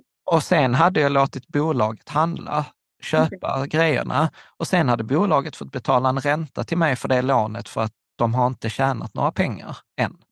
Mm. Så att då hade jag lånat 100 000 till bolaget och sen hade jag skrivit ett låneavtal och säga, titta nu har mitt AB lånat 100 000 för detta. Jag tror riksbanksräntan idag är 3,5 procent och sen så tycker jag man kan lägga på 1, 2, 3 procent eh, mm. liksom för att det är risk med bolaget, att jag inte får tillbaka pengarna och sen betalar bolaget ränta för detta, antingen när lånet betalas tillbaka eller när som. Och sen handlar sakerna på bolaget. Okay. Så nu kände jag att jag behövde hjälp av bokföringsfirman. Ja, så, ja fast det, det, ja, alltså man kan bolla, men, men det, det, är inget konstigt. Alltså jag tror att det, alltså det man behöver tänka på är, detta är liksom så här, bolaget behöver pengar, de har inga pengar. Så antingen, hur får man in pengar? Antingen så skjuter ägarna till pengar, eller bolaget lånar pengar, eller bolaget säljer. Det finns inte så många andra alternativ. Och i detta fallet så är att ja, men då lånar jag mina privata pengar till bolaget istället för att handla det privat och sen ska det säljas in till bolaget. Alltså det blir stökigt. Ja. Så det är mycket renare att säga så här att ja, men här är en summa pengar, varsågod bolaget, ni får låna detta i uppstartsfasen mm. och sen så får man hantera det där. Men är det något som en bokföringsfirma skulle kunna komma med förslag? Att så här kan du göra? Ja, ja absolut. Ja, det är... Ja, ja, ja, ja, gud ja. Uh. Nej, för jag, jag, har ju satt över pengar såklart i företagskontot så det finns pengar där men jag är så noga med att de ska gå till rätt saker. De ska gå till min isolerade hundkoja som jag måste ha för myndigheterna och sådär. Så, allt det här som ligger lite utanför, det, det är svårare tycker jag när det gäller att jag ja, kanske... Fast, precis, fast jag skulle säga så här, alltså på vilket sätt är det skillnad på en dator och en isolerad hundkoja? Alltså du kan inte bedriva verksamhet utan Nej. någon av det. Nej, det kan jag ju inte såklart. Liksom. Nej, alltså, så att, så att återigen, alltså grundregeln, grundregeln att komma ihåg är så här, alla, ut, alla kostnader för inkomstens förvärvande eller inkomstens behållande är avdragsgilla. Ja. Och, sen, och sen är det ingen lista, utan det blir underlag och en story som hänger ihop, och, mm. liksom, som är sann. Ja, ja. Liksom. Men om vi kommer lite längre fram då, till exempel på alltså större utgifter som en bil. När kan jag känna att när ska man ha en bil på sitt företag? Jag kommer ja, behöva en bil för att transportera hundar, men ja. jag har en egen privat bil som jag kan använda till det just nu. Ja, alltså det ekonomiska svaret är aldrig. alltså, ja, nej men alltså, ja, nej men så här, det är ju inte, alltså så här, där, där finns inget att tjäna på att vara smart kring bil. Alltså bil är, alltså folk har i alla tider försökt vara smarta och göra det. Och är det någonting som Skatteverket inte gillar så är det bil. Eh, och och liksom så här tjänster, det är alltid det man kollar på. Så jag skulle säga det enklaste, återigen, kolla med bokföringsfirman, mm. men eh, det enklaste skulle jag säga, använd den privata bilen och sen betalar du en ersättning till dig själv från företaget för att du använder den privata bilen. Och, och jag vet inte vad ersättningen är, nu är den ofta per mil. Ja. Eh, jag vet att innan var den 18,50 men jag har något svagt minne av att den har Nästa höjts. Nästa år ska den höjas, inte detta året väl? Vet ja. du detta? Vi hade det på Skatteverk, i podden med Skatteverket. Jaha, ja, det har jag glömt. Ja, men jag vet att det ska förändras, men, men, men jag skulle säga så här, det absolut enklaste är så här, ha bilen privat, låt företaget betala för den och, och, se, och sen så får man uppfylla reglerna för att företag ska kunna betala ut det och då behöver man ofta en körjournal. Alltså att du skriver så här, ja men jag körde, mätarställningen var det och det, jag körde den och den sträckan. Men det finns det också automatiserat, alltså bra appar för eh, ja. idag. Men där, där, är det också en sån grej, kan jag säga så här, Alltså jag, har, jag tror inte jag har tagit ut körersättning de senaste tio åren, för jag, så här, jag pallar inte den administrationen. Mm. Och då är det så här, nej, jag, jag, det, det, får vara den kostnaden, för jag pallar inte det. Jag gör det typ så här när, vi, när jag kör till Göteborg eller jag kör det till mm. Borås ja men då gör jag det. Men, mm. men liksom inte så här, nu har jag kört sju kilometer. Nej, eh, nej. Så, så, att man, man får hitta sin balans. Liksom. Mm. mm. Om man tänker sig ändå så ska man ha kunder och så ska man försöka vara bra företagare liksom, mot dem och sådär. Då tänker jag så här, jag sitter just nu, jag har ett företagskonto och jag har precis skaffat ett kort då så jag kan göra inköp på det här. Men sen är ju min fråga, liksom, vad behöver man egentligen i dagens samhälle för att kunder ska bli nöjda? Behöver man ha företagsswish? Behöver man ha e-faktura? Hur mycket kostnader behöver jag betala banken för att det ska funka i min verksamhet? Tror ja. vi. Ja, jag, jag, skulle, jag skulle säga så här, prata med kunderna. Ja. Låt kunderna bestämma. Alltså så här, ja. vi, vi har inga kunder som vill betala med Swish, så vi har Nej. inget Swish. Eh, utan vi kör eh, allt på faktura. Vi har ingen kortlösning, ingen, ingenting. Nej. Så att jag skulle säga så här, prata, prata med kunderna, låt dem bestämma. Mm. Jag, jag, tror också, apropå det där be om hjälp, så tror jag att det där är en väldigt så här, många Många pratar inte med sina kunder. Jag påstår till och med på vissa företag finns det människor som nog aldrig har sett en kund. Eh, mm. liksom. Fördelen för mig är att jag har varit kund i den här branschen, så jag kan ju utgå lite ifrån vad jag skulle ja. tycka i den här situationen. Och det gör jag också. Ja. Och det är jätteskönt på ett sätt och det är också lite skrämmande, för man litar inte alltid på sig själv att man har rätt. Nej. Så då tänker jag så här, jag kanske är gammal, jag kanske inte förstår vad som behövs där ute idag. Dels är det med de här banktjänsterna och dels är det med marknadsföring. Alla tycker man ska vara både på TikTok och Instagram och du ska ha det ena kontot efter det andra. Jag blir alldeles stressad och tänker så här, nej men herregud, hur ska jag hinna med det där? Ja. Eh, lika som hemsida. Ja. Ja, alltså återigen så tror jag att det, det handlar om så här, vad tycker man är kul? Eh, var, var är ens kunder? Alltså där finns företag idag som fortfarande inte har hemsidor. Och sen mm. skulle jag säga att det är en myt om att bara jag sätter upp en hemsida så kommer kunderna komma. Nej, mm. så, så är det inte. Utan, utan eh, liksom så här, det, det, tar ganska lång tid innan folk börjar googla sig till din hemsida. Absolut. Så att jag skulle till exempel i valet till exempel mellan hemsida och sociala medier, så skulle jag nog idag säga sociala medier. Mm. Eh, och sen skulle jag nog bara köpt en domän i så fall som pekar till mina sociala medier. Så att om jag anger så här, liksom linaskennel.se, då kommer jag till ditt Instagramkonto till ja. exempel. Jag kan säga jag har en hemsida, jag har satt upp det lite för att det var kul, men det är mer ett sätt för mig att samla informationen som jag vill kunna ja. ge till mina kunder och ha det som lite nästan i anteckningsformat. Liksom. Med priser och hur jag tänker med tjänster och så vidare. Och sen så länge man bara har satt upp den och inte gett ut adressen till någon så är det ingen som hittar den i alla fall. Nej, e nej exakt. exakt. Men, nej, men jag tror, alltså, jag tror, jag, Förlåt, nu hörde jag inte. Det jag tänkte var viktigt med det här, det var också att ha en e-postadress så att jag kunde skilja om någon vill höra av sig så ska man kunna ha en info at och så kennelnamnet till exempel då. Ja, Men... jag, jag kan ju säga att jag personligen är inget stort fan av dem. Jag är ju hellre att jag har så här då, Lina ett Kennen eller liksom ah, okay. att, alltså ja. att göra det personligt. Ja. Alltså ingen, ingen vill liksom skicka så här, hej info. Nej, det ligger något i det. Nej, så, så att, så att jag, jag tror ju mycket Alltså jag tror ju på det personliga, men det är åter, återigen min personlighet, litet företag, jag är företaget och det har sina fördelar, det har sina nackdelar. Men jag tror att är man liten så kommer folk köpa dig. Ja. Och, och, och, och, och, där tror jag också att eh, många gånger att man ska inte vara rädd för, alltså så det, det jag har liksom klumpen i magen i för din skull, här som vi inte har kommit in på, men det är så här, ta tillräckligt bra betalt så att du får runt det. För att det vanligaste felet upplever jag att folk tar alldeles för lite betalt och så tror de, och så har man inget självförtroende och så ska man konkurrera med andra på pris. Och då är det alltid någon jäkel som kan göra det billigare. Men då är jag så här, nej, ta hellre mer betalt och lägg i din personlighet. Liksom så här, nej, men, du vet, du får denna servicen, du kan ringa mig, du vet, jag delar med mig av vad du ska, liksom, vilka kurser du ska gå, jag kan koppla dig samman med en hundtränare. Alltså, jag hade uppskattat det mycket mer än att jag betalar 200 kronor eller 1000 kronor mindre. Så, Ja, absolut. Mm. Så, Det så, personliga är jätteviktigt. Ja, så här, vilken försäkring ska jag välja? Eller vet du vad, ta kontakt med det här eh, försäkringsbolaget. Så här tänker jag.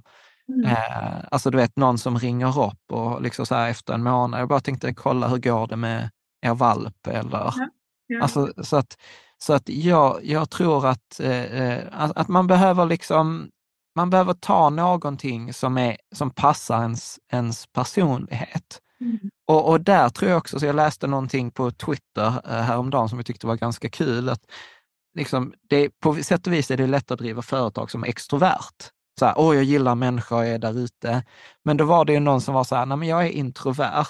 Men det gör ju till exempel så här, nej men jag kan kommunicera med folk digitalt eller när folk mejlar mig, då kan jag svara och sen när jag ska uppsöka, ja men då har jag en kompis som får ringa de där första samtalen ut och sen kan jag ta andra samtalet. Så att jag tror att, att så här, komma ihåg att design, alltså så här, bolaget är där, eller sen, nu, nu, detta är ingen sanning, men jag tror mycket på livsstilsföretag, att mycket det folk drömmer om är att man vill skapa någonting. Jag kan få jobba med det jag tycker är kul. Inte så jag ska bygga nästa Spotify. Det, det är liksom en annan resa. Men om man har de här livsstilsföretagen, glöm inte bort att liksom företaget ska ju vara där för att du ska må bra, för att du ska ha roligt. Eh, och, och då menar jag så här att om det ändå ska finnas där för att jag ska må bra, ska ha roligt, då ska jag ju designa det på ett sådant sätt. Då behöver jag liksom inte designa på så här, oh, jag ska ringa 20 kalla samtal om dagen, om jag inte tycker att 20 kalla samtal om dagen är det roligaste jag vet. Mm. Eh, vad tänker du, Karo? Men jag tänker inget speciellt kring det faktiskt. Men jag håller med dig. Ja, Vi, har, vi eh, gör ju det som vi vill. Liksom. ja, och, som är kul i företaget och som eh, vi mår bra av. ja. Och då går det också bra för företaget. Ja, och, och för, för, för då lägger du tid och lägger du tid så, så skapas det resultat och skapas det resultat så kan du göra mer av, för då tjänar du pengar och så vidare. Och, och det där behöver man vara uppmärksam på, för att det, det blir i perioder att, eh, liksom att, du, att företaget inte är där för ens egen skull, utan att man själv är där för företagets skull. Och om man inte fångar det tidigt så blir det inget kul till slut. Liksom. Så är det och det här är också en väldigt speciell verksamhet jag kommer driva eftersom det måste vara öppet ganska många timmar eh, varje dag. Jag har inte råd att anställa hur mycket som helst så det krävs att jag är på plats väldigt stor del av dygnet egentligen. Eh, och det här har jag funderat väldigt mycket på. Det är en sak att säga att det blir en trevlig resa och ett livsstilsföretag men man ska orka också. Mm. Ehm, och det, nu kommer jag in på en helt annan fråga kring det. Men hur tänker man kring försäkringar och sånt som egenföretagare? För jag menar, om någonting händer mig så kommer det vara ganska allvarligt. Mm. Uh, och där, prata med, nej, nej, här ska man inte prata bokföringsbyrån. Nej, men här får man ju också kolla på sin livssituation och så, och så kolla vad, vad är riskerna och vad behöver jag betala bort? Alltså eh, där, där kan man ju ofta, ofta finns det ju så här försäkringsmäklare eller försäkringskonsulter. Och då kan man ju ofta gå till dem och säga så här, men vad händer om jag skulle bli sjuk? Mm. Eller vad, vad händer? Eh, etc. Och sen, sen har vi alltså så här, försäkringar, eh, det är bara att kolla i forumet, alltså det är mycket olika åsikter. Eh, Mm. Allt från åsikten som en av våra kompisar har, så här, man ska bara försäkra det man inte har råd att betala, till eh, sådana som jag som har både liksom en sjukvårdsförsäkring, som vi har läkare i forumet som säger så här, det är totalt meningslöst, för att liksom så här, får du cancer så är det ändå inte den du kommer använda, för att då går du ändå på det statliga, för där finns inga privata aktörer som hjälper dig med cancer. Så, att, så att jag, jag tror att det handlar om att titta, så här, vad är risken? Jag skulle nog så här, i, i, val, i någon prioritetsordning mm. så hade jag nog faktiskt satsat på a-kassa eh, mm. och inkomstförsäkring. Eh, för att om jag behöver lägga ner bolaget att, och jag blir arbetslös, att jag kan liksom, då har jag en a-kassa. Så det mm. hade jag nog tagit som steg ett. Sen eh, hade jag väl, vet jag inte vad exponeringen är i din verksamhet, men kanske någon ansvarsförsäkring Alltså så här, mm. vad, vad är det värsta som kan hända om någon skulle, liksom, ja, jag, jag kan inte verksamheten. Nej, nej, nej, men absolut. Men någon... verksamhetens försäkringar, den tror jag att jag har koll på. Jag är mer orolig att företaget är verkligen jag och jag har ganska många som kommer vara beroende av mig dagligdags. Ja. Så om någonting händer mig hur får jag det att rulla liksom vidare? Har, har man pengar som man kan ta in om tillfälligt och så? Jag skulle vilja ha försäkringar som täcker den typen av kostnader. Jag tror inte det, finns. Bönder har samma problem, ja. Eh, kan jag tänka mig. Svaret är så här, jag vet inte. Nej. Eh, utan, utan det är väl typiskt kolla med en, eh, med en försäkringsmäklare. Mm. Det mm. finns något som heter avbrottsförsäkringar och sånt, men jag, jag, jag kan inte det. Nej, det är okay. Men, men, men så här, och det finns ju typ alltså så här försäkring som, alltså där, där man just gör det här. Man kontaktar dem och säger så här, jag har detta behovet och sen så sätter de ihop ett paket. Så här, men då ska vi plocka ihop den försäkringen, den försäkringen, den försäkringen och sen så betalar man på liksom årsbasis. Ja. Så att det kan vara värt att, att, att, att kolla. Men, mm. men där, jag hade ju liksom, jag som är så riskorienterad, jag hade ju hela tiden försökt ha koll på vad är nedsidan? Vad är liksom, om jag skulle behöva avveckla, vad kommer detta kosta mig? Eh, liksom. Och samma mm. sak där, jag gillar ju till exempel, det finns ju vissa företag som drivs på det sättet att man hela tiden måste tjäna nya pengar för att betala den kommande räkningen. Mm. Eller så här, momsinbetalningen nästa kvartal måste vi tjäna in till. Men jag tycker det är sjukt stressande. Mm. Så att jag försöker ju alltid ha liksom så att jag kan vid varje givet tillfälle betala alla räkningar och alla skulder. Men, men så, är det ju inte, så var det inte i början. Liksom. Nej. Men hur gör du om du blir sjuk då? Jag vet inte hur jag gör om jag blir sjuk. Alltså jag kommer ju ha en anställd person och jag kommer också se till att det finns personal som kan jobba extra, för det kommer behövas när det blir mycket hundar.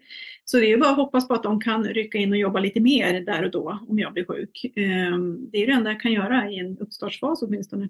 Ja, ja designa det lite åt det Ja, hållet. och, och där skulle jag också säga så här, alltså det är få grejer som är bättre än en buffert.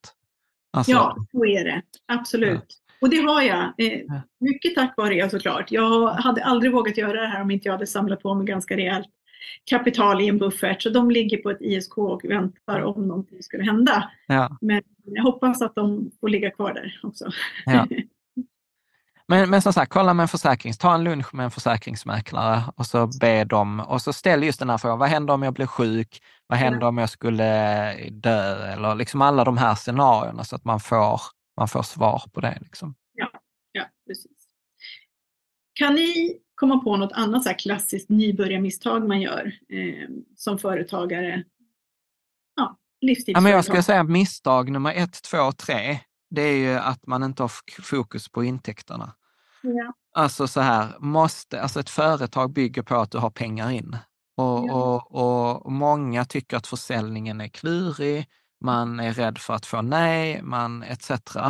Och jag, jag säger liksom så här som, eh, jag hade en kompis som brukade säga så här eh, att, ja men du jobbar på försäljningsavdelningen, då jobbar du egentligen på inkomstavdelningen. För att mm. liksom inget företag klarar sig utan det. Så jag, jag är alltid så här, sälj, sälj, sälj, sälj, sälj och sälj mm. redan innan du är igång. Om du vet att du är igång i september, ja. då är det så här, perfekt, sälj redan idag. Ha kunder som är så här, som står och knackar på mm. dörren den första september.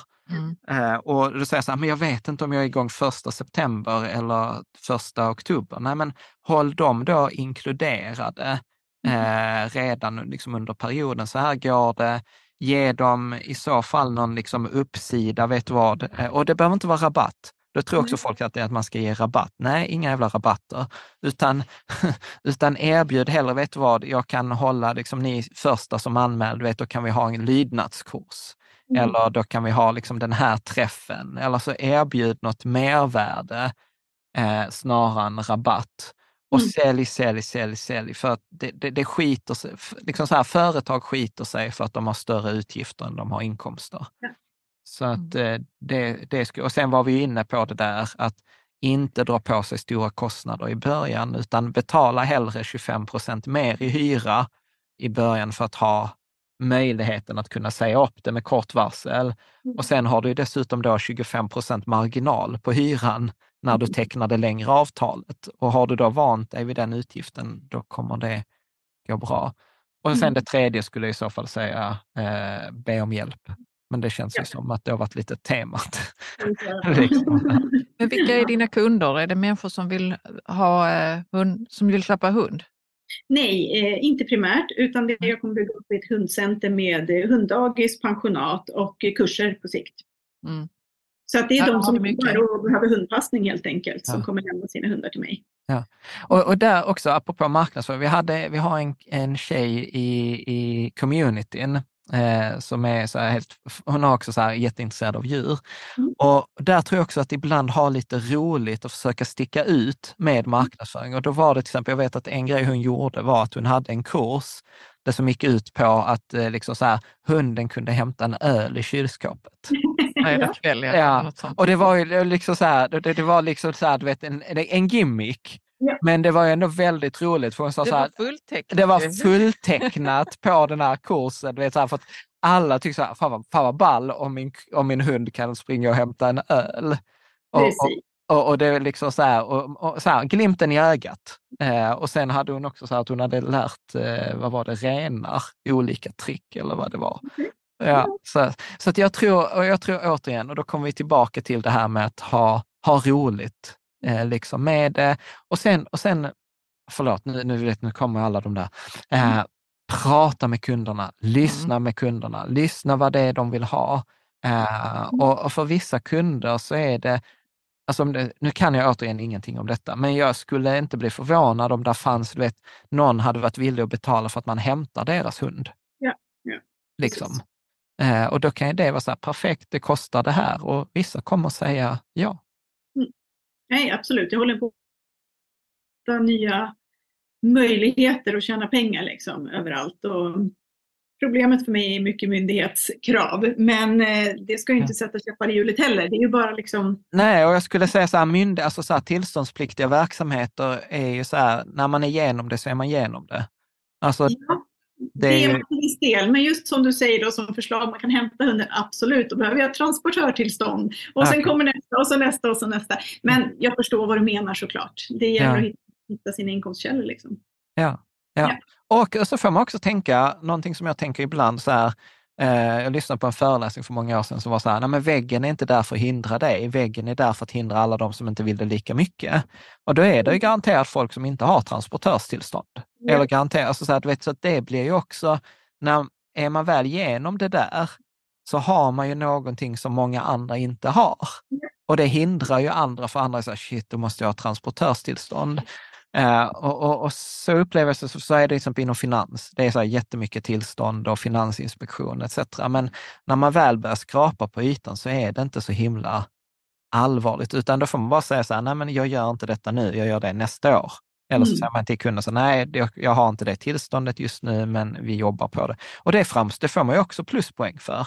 Så här, shit, ja. den är seriös. Jag visste inte ens att det fanns något som heter transportörstillstånd. Mm. Nej, men så är det. Men det handlar väl om rädslor där också, precis som med allt annat. Det är bokföringen och det är skattemyndigheten och vad händer om jag blir sjuk? Allting det här baseras ju i rädslor. Ja. Eh, som man hela tiden måste liksom sopa undan. Man får ta det liksom steg för steg. Men när man sitter där jag sitter eller till och med tidigare så är det så mycket rädslor som man ser framför sig. Så det är liksom så här, vart ska jag börja sortera i allt det här? Så man, det är det jag har störst problem med generellt. Det kanske ni hör. Liksom. Hur börjar man att slå hål på allt det här helt enkelt? Ja, men, jag, jag, jag, jag, tycker du gör helt rätt. Alltså det är så här, mm. prata med folk, be om hjälp, reach out och sen, och sen så får man ju också så här, okay, bara alltså så här, prioritera. Jag brukar tänka lägga, lägga liksom det längs en tidsaxel. Och, Mm. och en klassiker kring företagande, då brukar man ju säga så att alla företag har en flaskhals. Ja. Och, och den här flaskhalsen flyttas hela tiden. Har man löst den på ett ställe, då flyttar den sig. Och, och grundregeln, detta sa min mentor redan för 20 år sedan, att så här, ja, men din uppgift, Jan, som företagare, är att identifiera flaskhalsarna i verksamheten och sen får du bara lägga resurser på att lösa flaskhalsarna. Inget annat ska investeras i som inte är en flaskhals. Mm. Och det är en ganska bra tumregel. Liksom så här, är transportörtillståndet flaskhalsen i din verksamhet just nu? Nej, nej, då är det paus på den. Okej, är, är, är det liksom anskaffning av kunder? Nej, det verkar som att kundanskaffning funkar. Ja, men är det tillståndet? Ja, men det är det. Okej, bra. Då lägger vi tid och eh, fokus där. Så tänk hela tiden så här, vad är flaskhalsen? Vad är den begränsande faktorn? Och så har man det som ledstjärna, eh, så att man lägger fokus på, på rätt sak eh, i- istället. För att många gör, många nya företag gör fel sak på rätt sätt. Ja. Att man till exempel, nu lägger jag massor av tid på att lära mig bokföring. Ja, mm, du kanske skulle lagt den snarare på liksom försäljning. Mm. Eftersom liksom bokföring kan du betala bort. Eh, Absolut. Nej, men det gäller att prioritera. Så det är ett jättebra tips där också. Så man, man kan ju inte göra allting på en gång hur man än lägger upp det. Så att. Man måste ju se det som är viktigast för stunden helt enkelt. Ja, och flaskare, jag gillar, alltså detta brukar jag, du vet än idag så använder jag den metaforen på styrelsemöten. Där jag ställer frågan till vdn, det är så min klassiska, så här, var är flaskhalsen i verksamheten just nu? Mm. Och, och jag blir alltid lite sur om de inte kan svara, för då vet jag att de inte gör rätt sak. Liksom. Ja, men det är bra tips. Ja. Eh, och där, förlåt, när vi också är inne på det. Gud, alltså jag bara så här, brr. Eh, men jag brukar tänka på så här hattleken. Alltså så här att, att tänka på, i ett företag så brukar jag säga så här att man kan jobba i företaget. Alltså det är så här springa och lösa grejer, isolera hund, eh, liksom hundbyggnaden och skaffa kunder etc. Men sen kan man jobba på sitt företag. Som till exempel just nu jobbar du på företaget. Vi pratar om strategiska grejer eh, liksom etc. Men att inte glömma bort båda de här perspektiven. Eh, och en sån fråga som jag upplever att de flesta företag, även de som har varit igång länge, är så här, okej, så hur mycket pengar tjänar vi på det här? Är detta bättre för Jan än om Jan hade varit anställd? Mm. Och om är svaret nej, då skulle jag säga så här, ja men då är det ju någonting som vi behöver titta på strategiskt. Eller om liksom Lina, arbetaren, jobbar liksom 20 timmar om dygnet, då borde liksom Lina, chefen, vara så här, ah, det är någonting jag inte har lyckats med eftersom Lina, arbetaren, jobbar 20 timmar om dagen. Det är någonting jag borde göra annorlunda. Eh, Så att Lina, Lina arbetaren får gå och ha ett samtal med Lina chefen.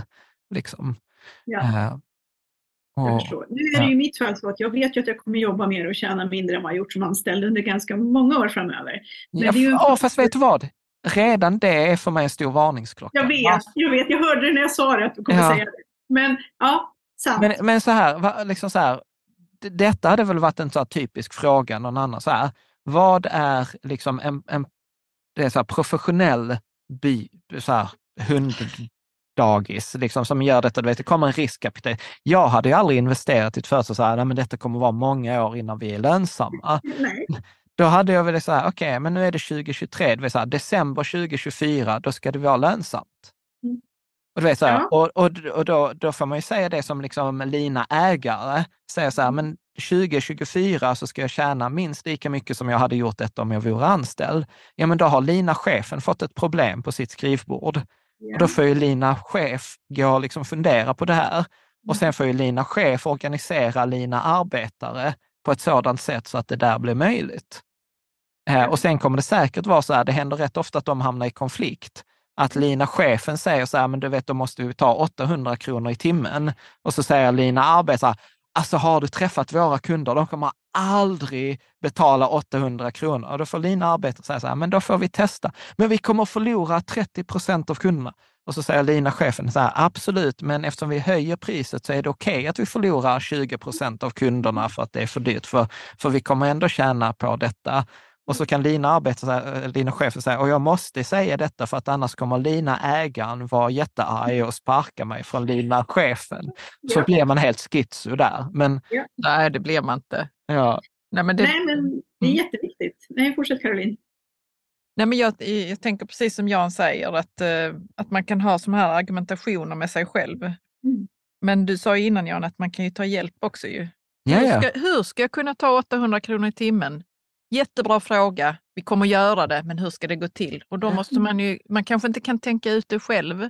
Eller så, Ja, och sen, och sen så pra, sen får man ju testa och prata med Ja. kunderna och, och liksom testa. okej så, och vill de inte betala 800 kronor, ja, men då är den uppenbara frågan, så här, så vad hade krävts Mm. för att du skulle betala detta?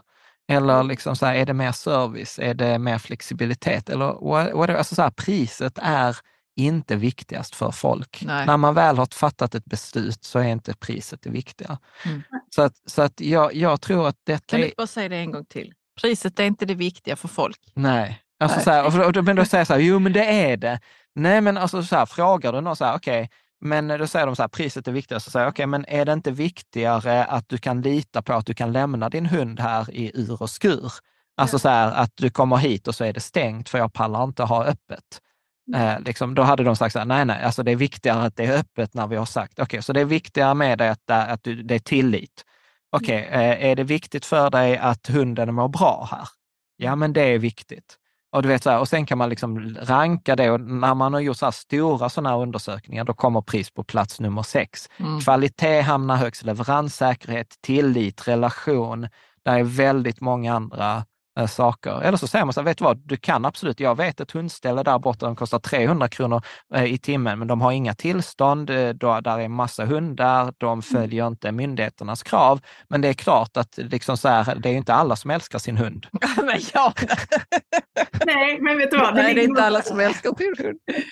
Det är jättebra. Det där är ju jättelätt att säga och jag tänker det nu, men sen är det jättesvårt att göra. Men eh, man får träna på den biten Men det är också så att du behöver göra det under en tid och sen så, Ja. så efter ett tag så är du bara bekväm med det. Ja, det är ju kanske en är så. utvecklingsfas själv också ju. Ja, så är det absolut. Och kanske också när man märker att det börjar fungera och man får lite mer trygghet i sig själv, att det är lättare att Mm. gå på lite hårdare då också. Ja. Mm. ja, men och det är inte att gå på hårdare, utan det är ju bara att vara liksom, rakhet är snällhet, eller Ja. tydlighet är snällhet. Och, liksom, och kan du inte, så här seriöst, kan du inte driva din verksamhet långsiktigt, då, Mm. då spelar det ändå ingen roll. Nej. Alltså, så, så att, så att jag, jag tror alltså det viktigaste är så här, man måste kunna få ihop sin affär och man måste liksom, och be kunderna om hjälp. Liksom, prata med dem, hör deras tankar och, liksom, och som du säger, den största, alltså det största hindret för det här är en själv. Och jag, jag är inte bättre än andra. Jag tycker fortfarande det är så här när jag höjer priset, bara "Åh, detta kommer aldrig att gå. Och sen, och sen när man har vant sig vid den nya nivån, så är man så här, "Vad fan, varför gjorde jag inte detta tidigare? Ja. Liksom. Eh, så att, och där, där kan det ibland, alltså om man har någon kompis som är företagare eller affärsutvecklare eller, eller har den här kompetensen, då brukar jag säga så här, men ta hjälp av dem, låt dem få vara liksom bollplanket till Lina chefen eller Lina ägaren. Att, eh, liksom, ta in den så att man får, liksom, för man är, man är så jäkla duktig på att slira med sig själv. Och särskilt med sådana, så, ah, men då jobbar jag en timme extra eller då jobbar jag, tar in en hund extra. Eller liksom så här, istället för att säga, nej men ta det tuffa beslutet, höj priset, bli av med några av kunderna, men du kan ge de som är kvar bättre service. Mm. Nej, jag sitter ju också i en bra sits. Jag har ju inte riktigt satt priserna ännu så att jag har ju möjlighet nu att tänka till rejält innan jag Ja. kör igång. Man inte behöver höja direkt Ja. ja. Ja, och så räkna, liksom så här, hur många kunder behöver jag? Hur många hundar behöver jag för att detta ska gå runt? Hur ska jag göra? Ehm, Ja. Nej, men det, det har jag ju såklart gjort någonstans. Jag har ju... och li- Precis. Ja, och det är bra. Och vara dyrare än andra. Det brukar Ja, vara en sån här exakt. eh, exakt. tips. Mm. Ja, men det är bra. Snyggt! Ja. Har du fler Ja. frågor? Det har jag säkert, men alltså, jag har fått jättebra tips i alla fall. Och ibland är det också bara skönt att bolla med någon och få prata av sig lite. Nej. Det är Nej, men, väldigt Det, det är verkligen så. Men jag, jag, jag tror mycket med en kompis som alltid brukar prata beginners mind. Alltså Ja. våga vara nybörjare. Jag läste faktiskt igår, det var någon så här, vem, eh, på Twitter, så här, vem är den intelligentaste människan eller mest spännande människan i mänskligheten? Och så var det så här, någon människa jag aldrig hört talas om. Och då var det så roligt, för då var det en person som är så här, lever i tioårsperioder. Och så var han så här, nu ska jag vara liksom, nybörjare i schack. Mm. Och sen var han så här, ja men då var han nybörjare i schack i tio år. Och när han började spela schack, då spelade han bara med tre bönder och kungen, tills han lärde sig exakt så här, hur funkar tre bönder och en kung. Och sen så när, efter tio år så var han stormästare i schack. Då började han med brasiliansk jiu-jitsu. Och sen efter tio år så fick han bli han svartbältare i, i så här. Och så gör han såna här, nu är han typ 50, så han har gjort tre, fyra sådana här grejer i livet. Och jag tänker så här, fan vad coolt att bara vara så här, "Nej, vet, nu är jag svart bälte i det här, men då, då börjar jag med något Men helt det är nytt. också det där att man liksom vill bemästra något och sen är det, så är det inte kul längre. Jag tror det är en viss typ av människa Ja. vi pratar om här. Men Ja. det, vi pratar om beginners mind, ja. Ja, Mm. Nej, men så här, våga vara nybörjare. ja. Exakt. Och eh, vad jag skulle också vilja dela med mig av är också det här som vi pratar om mycket med det lilla stegets kraft. Att det är ju också så här i den branschen som jag är så är det mycket utbildningar som ska till för att man ska kunna få de här tillstånden. Då och så där. Och det är ingenting jag har gjort nu på slutet utan jag har ändå känt efter hela vägen att jag vill jobba med djur och hundar. Så medan jag har haft mina anställningar så har jag hela tiden pluggat. Jag har läst någon kurs i etologi och så har jag läst in djurskydd och så har jag tagit de här små stegen under tiden. Och det är också någonting som jag är otroligt glad för idag. Jag visste inte då att jag skulle få nytta av det. Men där jag står idag så bara, men gud så bra att jag gjorde det här, för nu kan jag komma igång mycket snabbare. Ja. Det är lite så med det här beginners mind också, att man är nybörjare någon gång, men man kan ta ett steg i rätt riktning och sen till slut så uppnår man något resultat som... Ja, och jag tror att när man går på det där som är ens passion, så blir det ganska naturligt. Ja. Och du vet, nu är det enkelt att titta bakåt och dra streck mellan punkterna, men det hade varit jättesvårt att göra från början. Ja. Och, sen, och sen så tror jag också att, att man ska inte ta de här tvära kasten, utan jag tror ju absolut att man ska påbörja något medan man håller på med något annat. Alltså precis som du säger, men jag har en ambition kring detta, men vad kan jag göra redan idag? Kan jag gå kvällskurser? Kan jag vara på helgerna? Alltså där finns jättemycket vi kan göra eh, liksom, kring, kring det där. Ja men super. Ja men snyggt, men då tänker jag att vi rundar av. Lina, vad tar du med dig? Vad är guldkornen? Guldkornen är, jag fick några bra konkreta tips där kring bokföring och det är skitfånigt att jag snöar in på det hela tiden. Men det är viktigt för mig för jag vill ha kontroll. Så det ska jag ta till mig och kontakta några firmor ganska omgående. Ehm, också att Skattemyndigheten kommer inte skicka en brevbomb. Jag kommer inte ställa till det så mycket. Ehm, och det här med prissättning och pengar ska jag verkligen ta till mig så att jag inte fegar ur på den biten när jag startar. Ja, coolt. Coolt. Bra. Keep Mm. us posted. Eh, Mm. så, att, Ja. så att vi kan göra och dyker då fler frågor så hojta till så får vi ha detta så, så här, eh, så här sidospår liksom. Och sen så får du ju också lägga ut, eh, var någonstans är du i Sverige? Var kommer du ha den här? Strax norr om eh, Stockholm, i Sollentuna, kommer det här centret ligga. Ja, Mm. så att när du är igång eller så här så får du eh, liksom starta en tråd i forumet och så lägger vi så får du uppdatera eh, hur det går. Och, Lyckus hundarna i Sollentuna. ja, eller hur? Nu får du bra. Ja. ja, men stort tack Lina.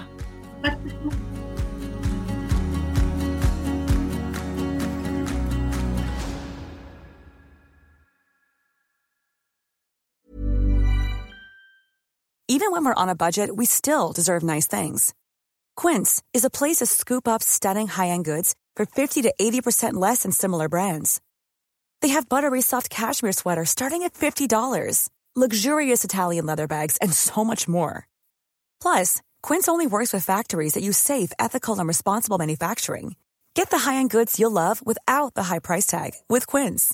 Go to quince.com slash style for free shipping and 365-day returns. Mom deserves the best, and there's no better place to shop for Mother's Day than Whole Foods Market. They're your destination for unbeatable savings, from premium gifts to show-stopping flowers and irresistible desserts. Start by saving 33% with Prime on all body care and candles. Then get a 15-stem bunch of tulips for just $9.99 each with Prime. Round out Mom's menu with festive rosé, irresistible berry chantilly cake, and more special treats. Come celebrate Mother's Day at Whole Foods Market.